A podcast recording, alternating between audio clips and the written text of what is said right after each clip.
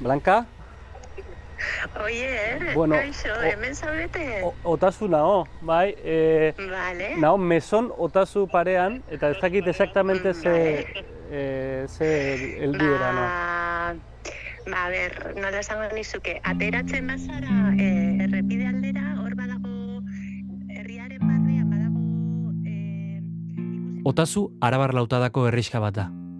Eta bertan bizi da barruan gauderen irurogeita mairugarren kapituluko protagonista. Gazteizen jaio zen, eta hizkuntzak maite ditu. Euskal filologia ikasi zuen, eta Euskal Herriko Unibertsitateko irakaslea da. Ka nik oso garai berezia bizitu izan nuen Euskara ikasten hasi nintzenean, Franco hil eta demokraziaren lehenengo urteak izan ziren. Eta orduan, guretzat, Euskal Herria eta Euskara eta ziren askatasunaren ikurrak ere bai. Oso zaila ikusten dut hizkuntza txikien oroar, eh? hizkuntza txikien biziraupena eh, mundu honetan. Gauza asko aldatu beharko lirateke. Jabetu egiten naiz Eusko Jaurlaritzaren lehendakari karguaz Hoy tenemos la especial satisfacción de recibir en esta tribuna a la consejera de Cultura del Gobierno Vasco, doña Blanca Urgel, Patxi López lendakari izan zen legintzaldian kultura helburu izan zen. Ez ziren urte errazak izan.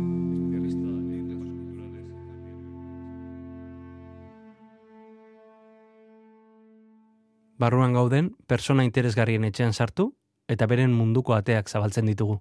Atal honetan ere, hala egiten saiatuko gara.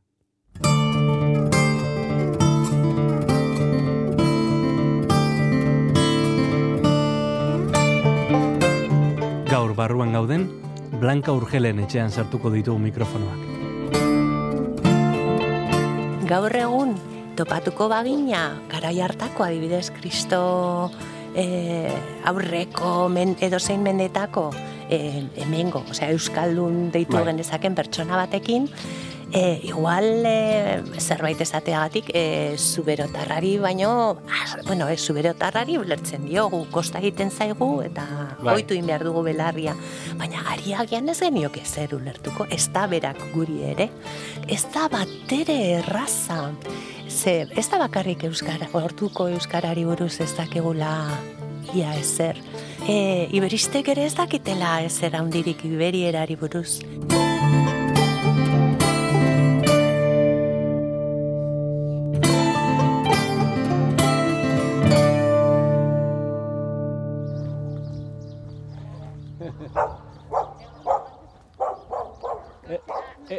Polita da kasue, eh? Bai. Ni herri txi, ni herri txikian bizi. Ongoa zara ba? Ni zauztarra naiz, baina Bai. aian bizi. Ah, bueno, jo, behin egon nintzen eh, Bai. baserri batean, han eh, Aian? Ah, aian, beitu, beitu. goi goian, da baina itxas. Bai, polita da, polita da. Zer, Bueno, lautada ere polita da, eh? Bai, bai, beste erabateko. E- Otazuko bidezka batetikoaz, Ados. eta txakurrek ongi etorria egiten digute. Blanka Urgelena berriztatutako arrizko etxe bata. Lau familia bizi dira bertan. Begira. Lau familia bizi gara, Ah, beto. lehen etxe bat zan, hemen kaseron deitzen dien etxe horietako bada. Hala. E, f- e, hemen e, gure auzokoaren e, familiaren etxea zat. Bai. Eta erabaki zuen berriztatzea eta jende gehiagorekin bizitzea. Nola izan dute txakurrek? Eh, hauek gure, izena, Raio eta Sofi. Biak eta ere adoptatuak. Bai, bai, Sofi oso zarra da ja, Bai. osoa. bai. Erdi itxu, erdi hor dago, baina. Gure txakurra bueno. badakagu. Bai, ba, egun, eh.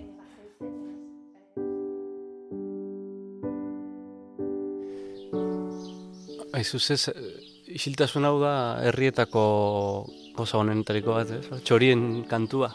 Bai, ez dugu besterik behar. Hala da. Zoragarria da. Askotan horrela gelditzea, besterik gabe, goize zein arratzaldez, zoragarria da. Irakurri nizun, eh, ez? Eh, Txorien kantua dela eh, aingeruen kantua, o, o Ah, bai, bai, bai, hori ez da nirea noski, baina egia da, ez da? E, txorien kantuarekin esnatzeak alako estiztasun bat ematen dio egunari, ez da? Ta, zergatikan herrian bizi. bueno, zorakeriatxo bat izan zan. E, ni, e, izan nuen garai pertsonalki txar bat, dibortziatu nintzen, eta etxe bila hasi nintzen, eta etxe honetaz maite mindu.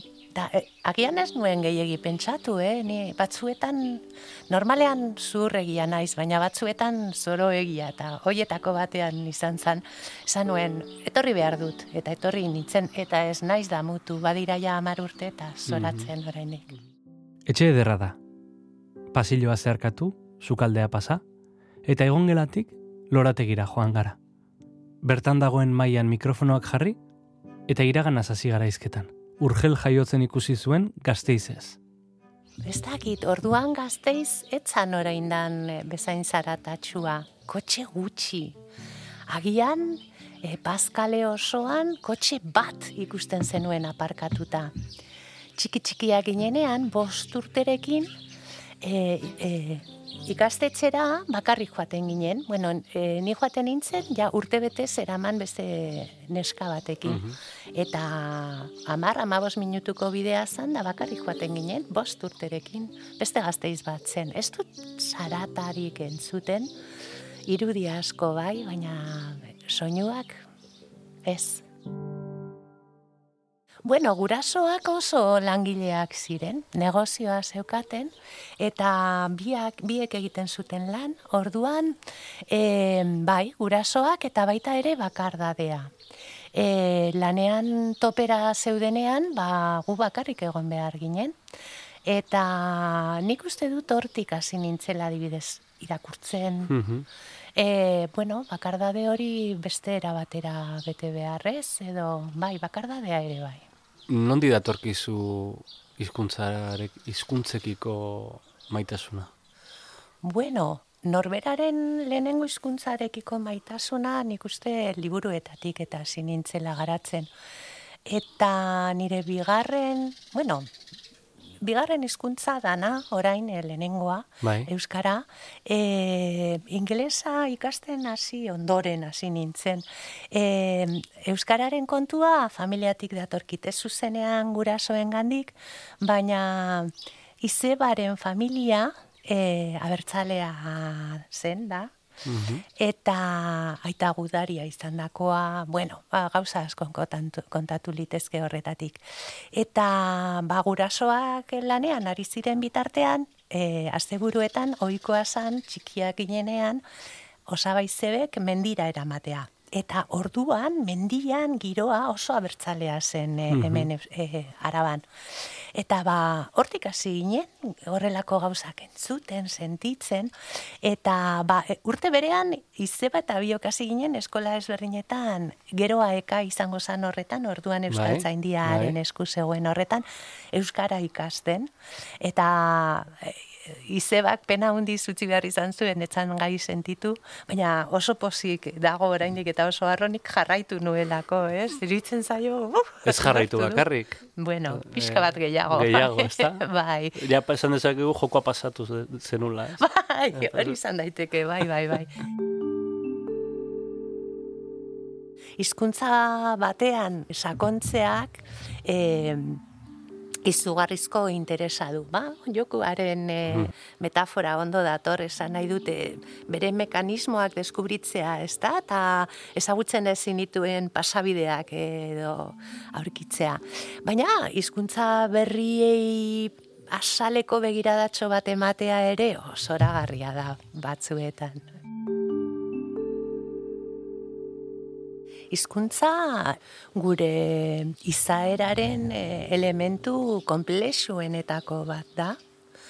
Hizkuntzak bi alderdi nabarmen ditu, bata da azaleratzen duguna, hitz egiten duguna, baina gero dago e, burmuinetako mekanismo guztia, ez da? E, batzuek gramatika unibertsala deitzen diotena, baina gero eta nabarmenago lokalizatzen ari dena burmuinen barnean. Eta oso komplexua da. E, gen askoren eta eta mekanismo askoren e, aldi bereko edo, edo, edo elkar lanaren ondorioa.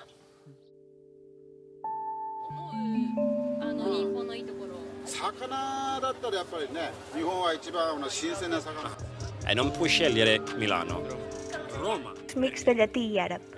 Tot i així, el mossàrab es considera una llengua de segones, sense prestigi. Durant aquesta època, la llengua important és l'àrab. De fet, en català hi ha molts dénonce, entre autres, Rajola, le manque de transparence du processus électoral. Notre correspondante Aurélie Bazara Kimangula présente à la conférence Ba, ni jakin nahiko nuke, bete aipatzen denean mundu bat dagoela hizkuntza baten atzean, ez? Hor- Hori zer da, ez? Da komunitate bat e, e, ehuntzen duen oinarria, da transmisio baten ondorioa, Ja, ez da erraza erantzuten ziurrenik denetik dauka bietatik, ez da? Baina gure kasu zehatzean, gero eta argiago daukat, e, ez dela hizkuntza bakarrik. Ez dakitzuk sentitu duzun hori inoiz, e, esaten dugu, esaten da, ez da? Ba, ba, erdaldunak ez diela enteratzen euskal munduan zer gertatzen ari den. Baina momentu honetan, Eu- eu- Euskaldun batzuk ere ez dia enteratzen Euskal munduan zer gertatzen ari den. Osea, badago jendea ikasi duena, arrazoiak arrazoi, erabiltzen duena bere laneko edo bestelako kontuen gatik, baina ez dana enteratzen e, bat ere zer gertatzen ari den, eta ez da bakarrik e, ez duelako irakurtzen, edo ez duelako telebista edo irratia segitzen, bizik eta badago hor beste zerbait, ez da? Eta zerbait horrekin konektatzera, konek- konektatzeko, ah, nik, bueno, nire impresioa da, alegin bat egin behar dela nabarmen eta naita, normalean naita. Batzuetan kasualitatez ere topako dute, ez? baina naita. Eta orduan hor badago jauzi bat, e, gure Euskaldun askok ematen ez dutena, arrazoiak arrazoi. Erdal munduan bizi dira, Euskaraz jakin arren. Eta guk badakigu, ez da nik uste, gerota kontzienteago gara, e, gauza askotan elkarrekintzan badaude ere, bi mundu paralelo direla, eta gauza asko gertatzen direla euskal komunitatean, eta kanpoan ez direla, ez direla, kanpora ez direla iristen. e, identitateaz ere e, hitz egiten da, identitatea ere bada e, hizkuntza bat, e, bueno, hizkuntza batek osatzen duen zerbait, ez? Beste gozen artean. Baina, buelta asko mandizkiot horri ere, ez? Badira zenbait gauza, ez ditugunak aukeratzen, ez? Ez dugu aukeratzen em, e, emakume, gizon, ala beste zerbait garen, ez dugu aukeratzen ama hizkuntza ere. Eta bada gure, bueno, bizitzaren ardatzetako bat izango den, eh? Bai, egia da.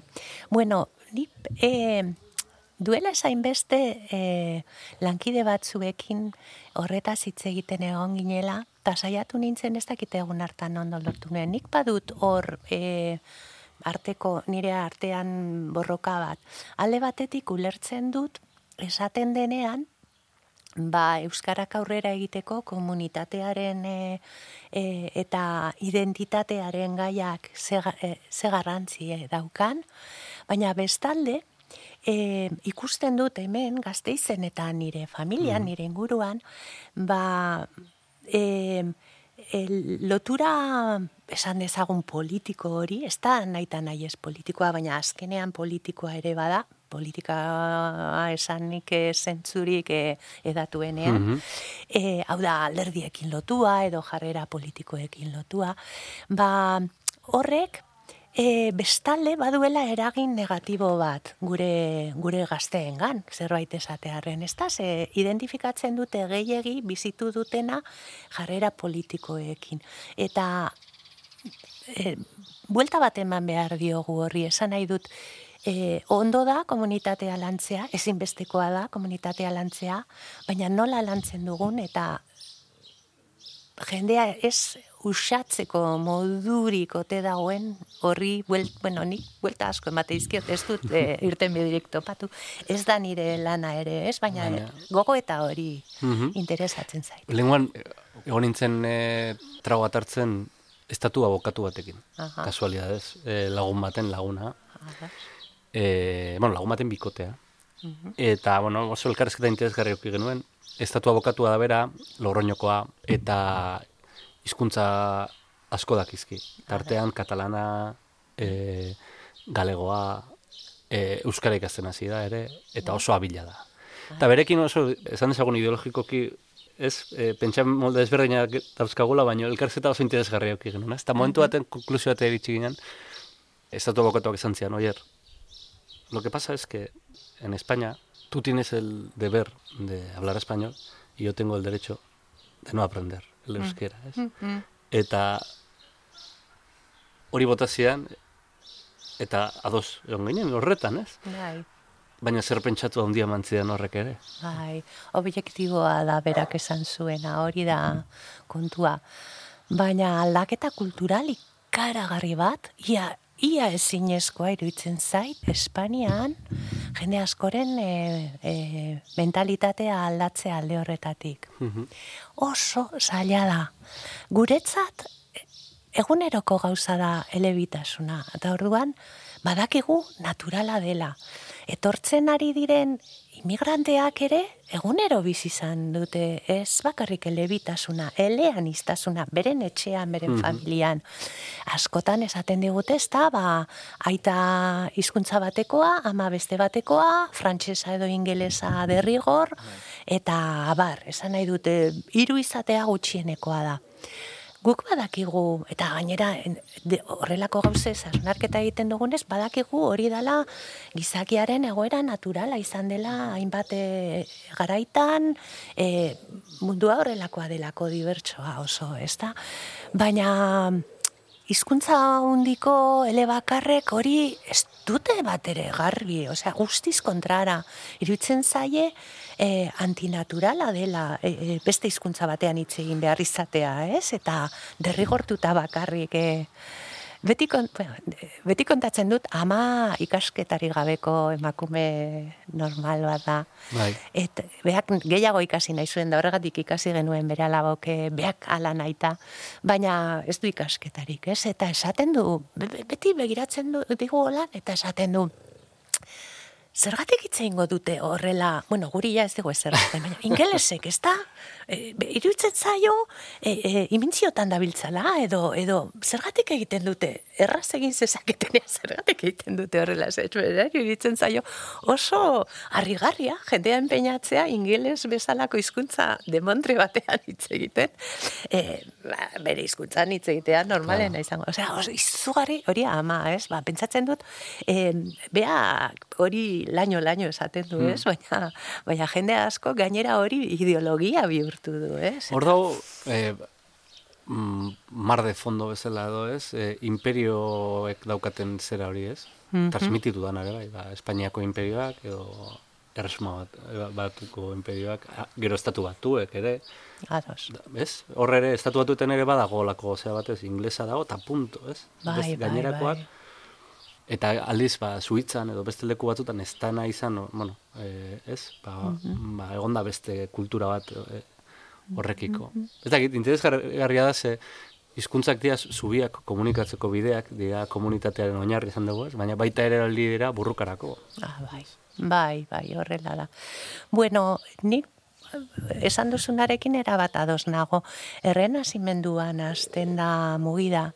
E, gure, bueno, esan nahi dut, urbileneko kontuetan, agian e, antzinateko imperio handietan ere horrelako gauzak izan ziren, ez da? Baina guri dagokigunez, e, Europa gaur egun ere oraindik hizkuntza askoz e, beteta dago, gero eta gutxiago dakigunez horitzarrez, baina eta ez dugu impresio hori, bueno, zer esanik ez, e, ego Amerikan eta eta ertainean ez da, e, zoragarria da bi mapa konparatzea, ez da, e, benetako, iz, bueno, bertako hizkuntzen mapa eta Bai. espainola, portugesa eta barrena. Bueno, Baina errenazimendura arte, latinak egiten zuen, erdiaro guztian zehar, latinak egiten zuen, e, bueno, e, hartu emanetarako hizkuntza, ez? Gutxienez e, hainbat mailatan.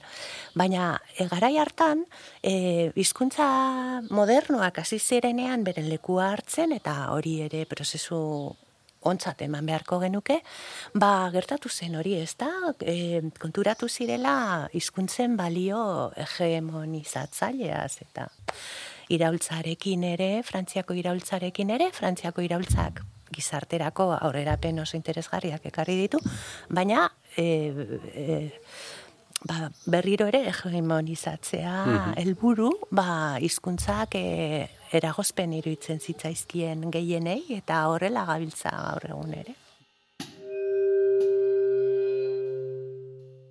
2000 eta bederatzi eta 2000 eta amabi bitartean, Patxi Lopezen gobernuko kultura helburu izan zen Blanca Urgel, eta pauso bat aurrera eman zuen. Akademiatik politikara. Ba, deitu, deitu zidan orduan e, nire koinatua zenak.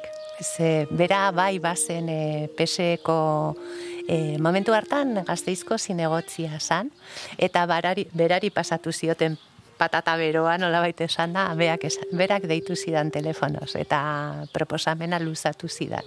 Nontzun den?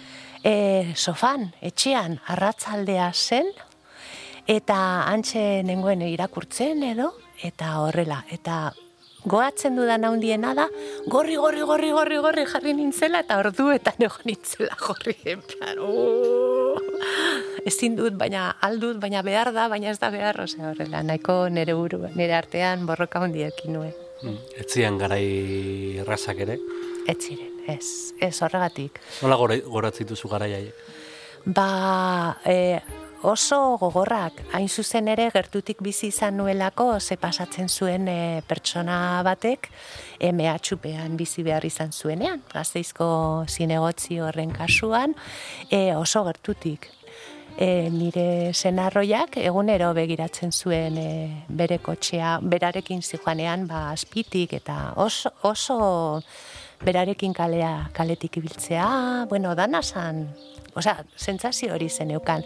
Eta gero, ba, ba, gero eta ulertezinagoa bihurtzen ari zan guztia, zerga, zergatik hiltzen zituzten e, politikoak, kazetariak. Lehen ere, hiltzean, ez da nire, bueno, nire nik ez nuke, uste dut ez nukela inoiz egingo zergatik, uste dute gero ikusin behar zara egoitz, egoeretan, eh?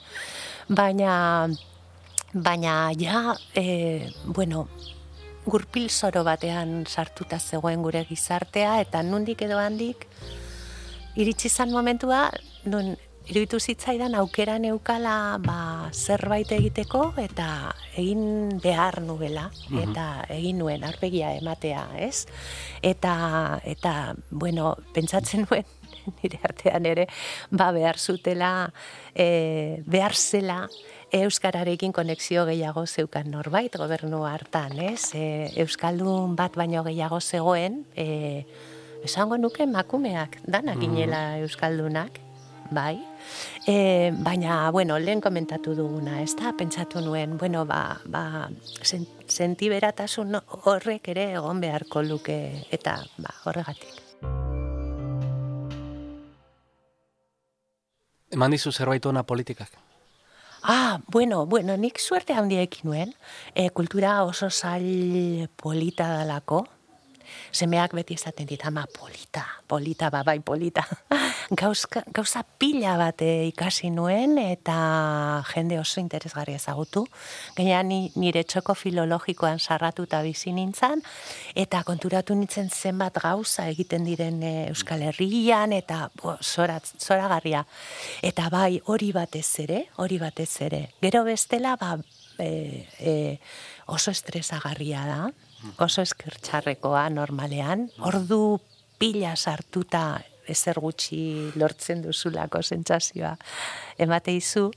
Eta eta oso mundu ezberdina da nik normalean dudan bizitzatik pentsamoldea pentsamoldea bera ezberdina da. Iztegi batek zenbat esaten du eh, herri baten inguruan? Ostras, ze galdera ona, ez dut inoiz pentsatu. E, beitu, lehengo iztegiak pertsonalagoak ziren eta ideologikoki zamatuagoak.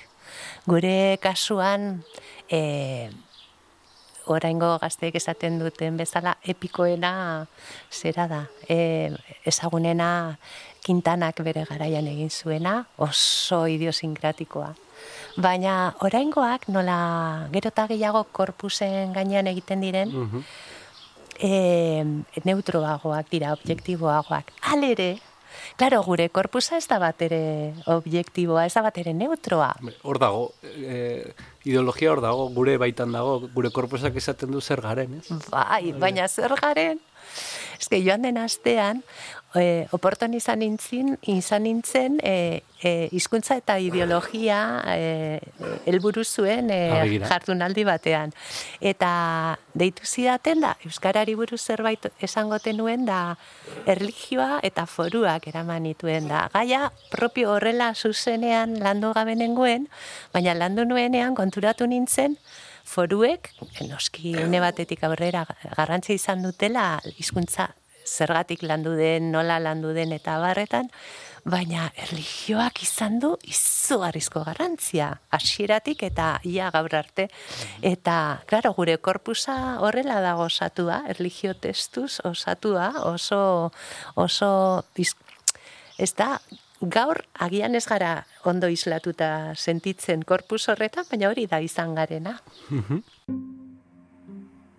Gaur euria gogotik ari du eta zin izan dira irulegiko azarnategira bertaratu. Ezin ego igo, orduan egiten dugu laboratek lana. Historia ikasleak dira eta voluntario arituko dira irulegiko burdinaroko erritxkan lanean. Urtero etorri gara laguntzera eta gehien bat ikastera hemen.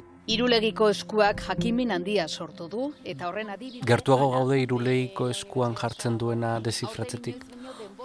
Bueno, ez dut uste. Ez. e, badakite jendea ez dauela lotan alde horretatik, e, izan zen hemen gazteizen e, Joaquin Gorrotxategik deitu eta bilera bat, iberistak etorri ziren eta gureak ere anegon ziren, eta lanean dabiltza. Baina ez da bat ere erraza, ze ez da bakarrik euskara, orduko euskarari buruz ez dakegula ia ezer. Kontua da, e, bestela pentsatzeko joera izan badugu ere, baita guk ere, e, iberistek ere ez dakitela ez handirik iberierari buruz. Eta e, orduan, e, konturatzen zara, sakontzen hasten zarenean, beraien lekukotasun gehienak, beraienak ere, gehienak izen bereziak direla, eta horrelako gauzak, eta orduan, klaro, nola desifratu testu bat, e, ez euskaratik, ez iberiratik, ez diogo aintzikar, antzikartzen. Oso zaila da, beste bat behar dugu, beste bat. Aber, orain, irakurri dut hasi direla, o hasiko direla arantzadikoak berriro kanpainan. Abeira. Da, ia, mirakulu batez, beste bat agertzen den, eta ja, birekin, ja, beste gauza bat izan daitek, mm ez da? Baina oraingoz oso zaila da oso zaila da. Que, mm, e, sirio izarretik etorritako testu bat e, desifratzea bezain zaila dirudi momentu honetan, eh, da. Idazkera iberiarra da, erabat, e, baditu bere izitasun batzuk, hasieran uste genuen hemengo berezitasunak zirela, baina itxuraz Kataluniako testuetan ere badira. Mhm eta beraz iparraldeko iberieraren idazkeraren ezaugarri izango lirateke. Eta e, kontua da garai hartan eta leku hauetan hau da Pirineoen bialdeetan e, ez dakagula testurik gure hizkuntzan ezerrez, ezerrez. Eta e, badago e, bertan Nafarroan e, andelosko mosaikoa deitzen duguna, mendigorrian, oso mm kerrezpanago, eta e, horretan lau edo hitz daude. Da, bi pertsona izenak eta beste biak iberistek ere ez dakite oso ondo iberiera den edo zer den. Badakigu ez dela zelti iberiera, ez dela zelta hizkuntza ze, zelta hizkuntzak eindoroparrak dira eta naiz eta agian dena ondo ondo ulertu ez, beren itxuragatik badakigu o badakite adituek e, zelta hizkuntzak direla. Ez da, Eta orduan hor gelditzen da kontua gero daude txamponak, tipikoak, mhm. hori barskunez ipintzen dutenak, bai. edo jaka, edo hoiek, eta ez errez gehiago. Da gero, e, e, akitania garaiko e, pertsona izenak, pertsona izenak eta leku izenen bat baino ez dira. Mhm. Jainko izenak ere bai. Orduan testurik ez dago. Eta orduan testu hau e, eskuan e, jarrita dagoena ez da oso luzea. Baina testu bat dela nabarmena da, zerbait jartzen du hor, eta eta hori e, zein hizkuntzatan idatzia den argi jakingo bagenu, eta gainera testuak diona gutxi gora beraz matzerik bageneuka, izango litzateke Euskararen historiaren zat, ez dago ezerrekin konparatzerik.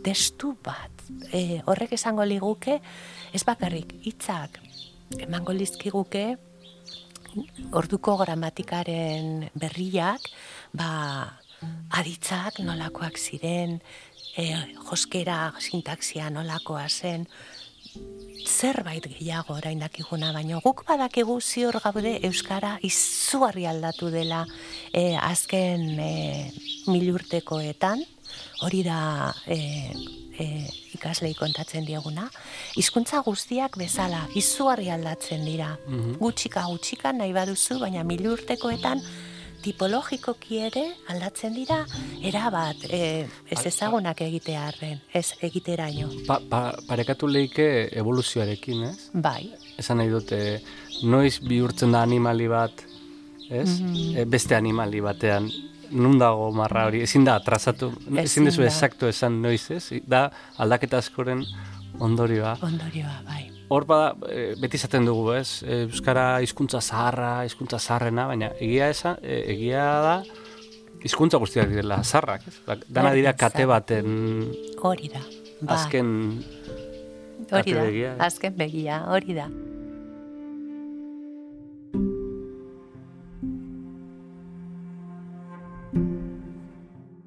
Etxeko goikaldeko pisuan dauka bere lantokia Blanka Urgelek. Bulegoa. Eta liburutegia. Honegatik ere hartu duen etxea zen ikusiko duzu hori lehenko etxean, Bai. asko luzea zegoen eta liburuak sartzea errazagoa. Baina hemen, azten da nire erreinoa. Ala liburutegia. Bai, asko ditut. Hemen dago apalte, apalategi berria, Bai. Oraindik ez dudana bete, baina nia gutxi bat zaio. Eta hemen ze dago nire kabia. Twitterren agertzen dana, parte hori. Ah, bale, bale. Hauxe da nire. Begira, haizu bulego derra, eh? Bai, bai. Bulego derra eta liburu, liburuz gainezka. Bueno, hemen daude lan egiteko, bueno, euskal testuak zaharrak. Bai. Hemen hasten dira etxe parerekin, bueno, hemen dago e, zera bienandanzas y fortunas, ja gero ja gureak, Bai.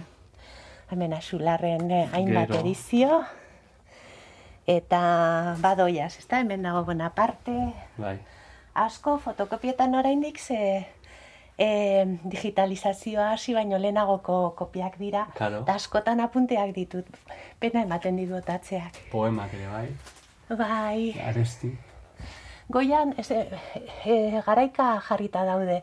Orduan, e, hor goian jarri ditut, gutxiago lan egiten ditu, e, lan egiten dute modernoekin, Mhm. eta modernoak hor daude batzuk, baina beste apal Mhm. dituzu horixe ikusten ari naiz hemendik, Bai. edo lauaseta, edo kirikino. Eh, ezaidazu nola antolatzen duzun liburutegia eta esango dizu nolakoa zaren. Eh? ba, nik kronologikoki beti. Bai, Euskararen historia da nire. Euskararen jatorria. Ui. Gai potentea da, Asier Etxeberria lagunak eh, Bai. bere garaian ba, dokumental bat egin zuen horren inguruan. Mhm. Orain bertan zein da teoriarik sinizgarriena? Bueno, e, Michelenaren garaitik e, e, mantentzen duguna, e, hipo, zero hipotesia deitzen dio da ikasleen aurrean. Zero hipotesia da, hause. Eta e, e, ez dago buelta gehiago ematerik. Espaldin bat dakigu, espaldin badago inolako daturik, pentsatzeko, noizbait, nonbaitetik etorri dela, e, hipotesirik oinarrizkoena da hemen garatutakoa dela. Punto. Ez horraino heltzen gara, ez? Ez ezin dugu gehiago. Ze bestela, e, hau e, honi okamen labana ere deitzen zaio, zein da azalpenik onena, ba besterik ez dagoenean errazena, ezta? Eta e, noizbait e, deskubrituko bagenu, e, ba bai, e, izan dela mugimendurik, orduan bestelako hipotesiak egin halko ditugu. Kontua hause da, behar bada e, familia izan dugu, izan zuen Euskarak bere garaian. Baina bi faktorek e, egin dute oraingoz ezinezkoa familia horren berri izatea. Bata da, e, izkuntza indoeuropearrek Europa o, ia oso harrapatu dutela eta horrekin e, galarazi dituztela lehenagoko hizkuntza e, guztiak, Mhm. Euskara izan ezik mendebaldeko Europan, eta orduan gure e, urbilenak e, hil ziren eta ez dute arrastorik utzi ziurrenik. Eta bigarrena da, e, e, horregatik beragatik, e, familiakotasun hori oso aspaldikoa dela. Eta gure lengusuak edo anaiarrebak oso urruti daude espazioan, edo oso urruti denboran. Ez dugu, ez dugu metodologiarik e, horraino iristeko, eta gainera e, iberiera espalitz, e, edo iberiera bezalako arrastoren bat utzi duen hizkuntza bat espalitz, ez dugu daturik e, familia hori aurkitzeko. Eta ezinean, ba, e, errazenarekin gelditu behar gara, eta da pentsatzea hemen bertan garatutako hizkuntza dela. Mhm. Euskara desagertzera kondenatuta dago. Uf, ba, tristeza handia ematen du gai horrek, baina oso zaila ikusten dut hizkuntza txikien oroar, eh? hizkuntza txikien biziraupena eh, mundu honetan. Gauza asko aldatu beharko lirateke. Alere, eh, jadanik urtetxo batzuk baditu danez, aldaketa handiak ikusi ditut jendearen sentiberatasunean. Eta ez dut esperantza galdu, orain bertako gauzetara eta egiten ari ari diren, eh, e, enpresek eta Mhm. egiten ari den, edo oro aidean dabilen ideologiak egiten ari den buelta horretan, ez da bertako produktuak, bertako zerak. Bueno, bagian, noizbait sartuko dela bertako hizkuntzak ere sakuan, ez da? Eta e, gu, Ka, nik oso garai berezia bizitu izan nuen Euskara ikasten hasi nintzenean, Franco hil eta demokraziaren lehenengo urteak izan ziren. Eta orduan, guretzat, Euskal Herria eta Euskara eta ziren askatasunaren ikurrak ere bai. Esan nahi dut, e, etzen, e, osea, gure asan nahiko, nahiko ideologikoa alde batetik eta bestetik baita ere idealizazio bat, baina baina pasioa eta idealizazioa behar da hizkuntza gutxituak aurrera ateratzeko. Eta, po, Eh, eta politika. eta politika eta dirua dudari gabe, baina jendeak ez palin badio ideiari bere indarra ematen, Mhm. e, zerbait erren gelditzen da, ezta? Eta bai behar da, behar da, bueno, behar genuke aldaketa hori, mentalitate aldaketa hori. Esan duzu zuen garaian Euskara askatasunarekin lotzen zen dutela. Bai. Gaur egun zerekin lotzen dela uste duzu? Euskara, ba, bueno, gure, gure inguruan e, e, erresistentziarekin asko nik uste, eta baita ere maite ditugun gauzekin. Baina kanpoan, momentu honetan, eta beldurgarria da batzuetan, zenbat lotzen ari den e, e, imposizioarekin. Ikaragarria da, ez da? E, nola, imposizioa, baina, baina bai. E, badira urtetxo batzuk e, alderdi eta posizio ideologiko batzuetatik transmititzen ari da ideia hori, ez da? E, zergatik, Euskara ikasi behar, zergatik, eta imposizioaren ideia edatzen dabil, eta hori bai dala arriskutsu. Hori da paradogikoa ere. Bai, erabat. Lehen aipatu dugun eh, estatu bokatuak esan dako esaldi hortatek abiatuta, Bai. paradogikoa da hori argudiatzea, ez? Bai, hori da, baina, klaro, em, gauza bada e, e, orokorrean begiratzea ideia e, egoerari, eta beste gauza ba- bada norberak bizi duen egoeratik begiratzea. Eta familiak batzuetan e, ikusi izan dute abantaila bezala, abeira ze ondo, e, a, semea alabei e, euskara irakasten diete hasieratik ikastolan, o, es- es- eskolan eta ze ondo, Baina, karo, belarria berotzen badiete beste ideia horrekin azten dira pentsatzen. Eta hori zergatik, eta ezin diet lagundu, eta orduan hor dinamika oso perverso bat e, eratzen da.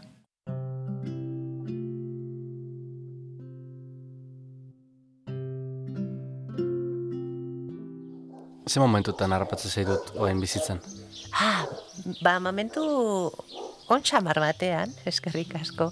E, e, bueno, ja, irurogei urteetan sartua nago, eta eta pelikuletan batzuetan ikusten dugun bezala, ba, ematen du lasaitzeko bidean nagoela eta eta e, ni hobeto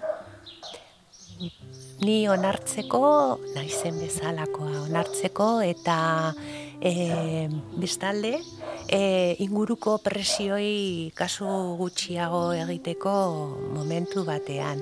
Gero gora bera asko etortzen dira, ez da, dena ez da buruan dara masuna baizik eta ez usteko asko, ez behar asko daude, baina momentu paketsu xamar batean harrapatzen hau. Lan askorekin beti bezala, Bai, ba, bai. gauza gehiegitan sartuta, baina bai. Zeri, zeri diozu beldurra? Uf, gaixotasunari eta ba, eta batez ere batez ere nire semealaben egoera eta etorkizunari. Bai, e, momentu zailak dira gizarte honentzat. E, ez dut bat ere argi ikusten norantza joango den, baina oraingoz ez, ez doa bide honean. Eta, eta jo, pentsatzen du ze tokatuko zaien bizitzea. Horrek ematen dit beldur gehiena, bai. E, Espainiak beldurra ematen du. Bai, bai.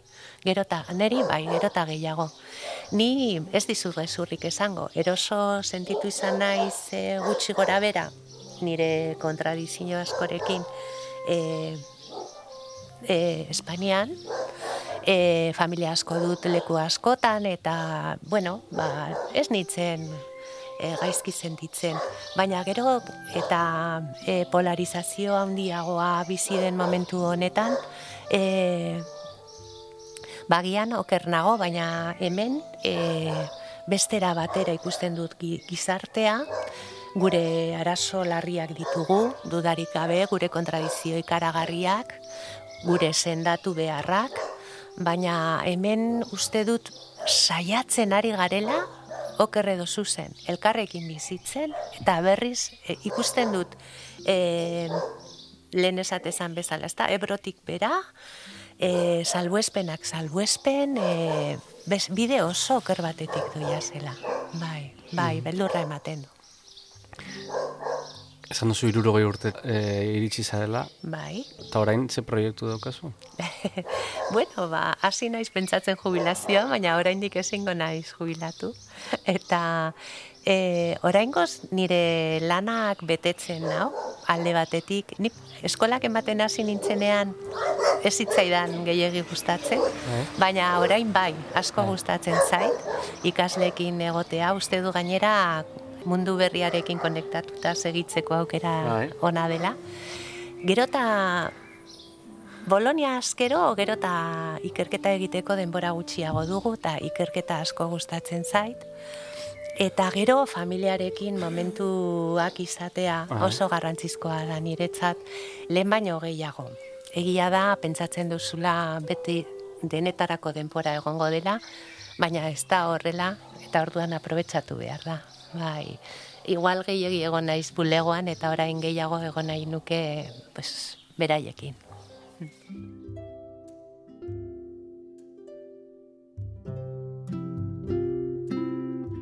Eskerrik asko etxeko bateak zabaltzeatik. Ez horregatik, plazer bat izan da. Txoriekin lagurtuko da. bai, txoriak hor bai.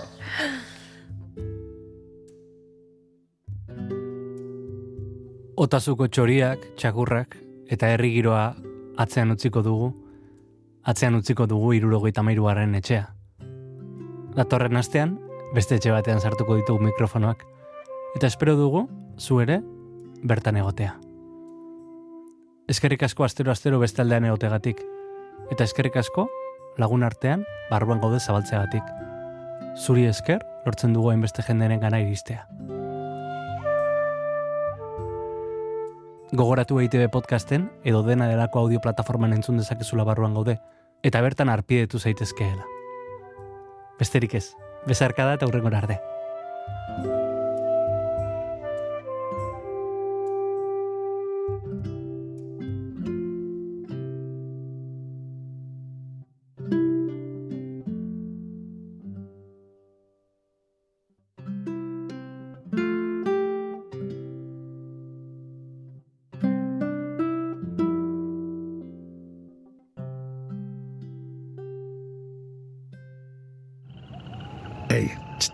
Entzun hori. Ulu Media.